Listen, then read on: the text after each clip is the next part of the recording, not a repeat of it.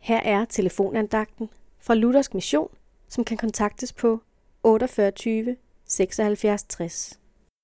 Andagtsholderen i dag er Jørgen Vinter. Guds ord siger i Filipperbrevet kapitel 4, vers 6, Vær ikke bekymret for noget, men bring i alle forhold jeres ønsker frem for Gud i bøn og påkaldelse med tak. Amen. Det var dette ord, som Gud ønskede at møde os med i dag.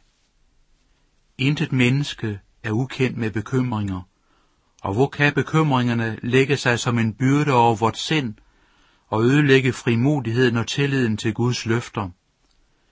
Bekymringer, det er som at sove i et røgfyldt rum, har en sagt. Det kan på lang sigt komme til at koste os livet. Men uanset hvilke bekymringer, som vil ødelægge tilværelsen for os, så er det hjælp at få. Vær ikke bekymret for noget, minder ordet os om i dag. Vi skal ikke lukke os inde i os selv med vores bekymringer, men i stedet må vi lægge dem frem for ham ved at folde vores hænder og dermed lægge dem i Guds hænder. Apostlen Peter siger i sit første brev, Kast al jeres bekymring på ham, for han har omsorg for jer.